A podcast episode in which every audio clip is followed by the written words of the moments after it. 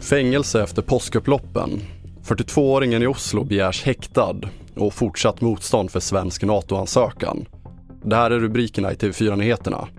Men vi börjar i Örebro där de fyra män som stod åtalade för grovt blåljussabotage under påskupploppen döms till fängelse och två döms också för våld mot tjänsteman.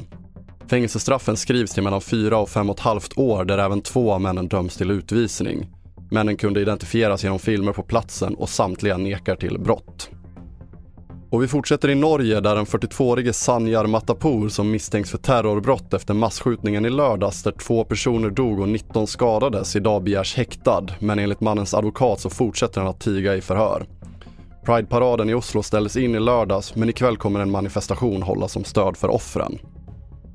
Vidare till att statsminister Magdalena Andersson, Finlands president Sauli Niinistö och Turkiets president Recep Tayyip Erdogan ska träffas imorgon för att diskutera Sveriges och Finlands NATO-ansökan.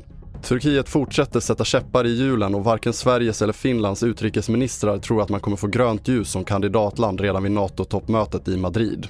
Jag utesluter det inte. Däremot så tror jag inte vi kommer så långt som att vi kommer så att säga hela vägen fram sa utrikesminister Ann Linde i SVT Agenda igår. Och vi avslutar med stenrösen och gamla stengärdsgårdar som har stor betydelse för bin och andra insekter. Men samtidigt kan stenarna vara ett hinder för modernt jordbruk. I Småland och på Öland trycker man nu på för att få lov att flytta på dem.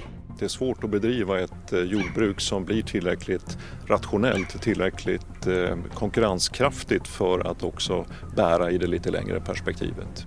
De här gärdsgårdarna hyser ju mängder med jordlöpare och andra Eh, insekter som är skadedjursspecialister som tar eh, jordbrukets skadedjur. Så att det är ju viktigt att eh, man tänker lite längre än näsan räcker.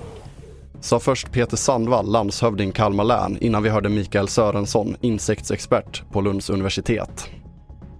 Fler nyheter hittar du på tv4.se. Jag heter André Metenen Persson.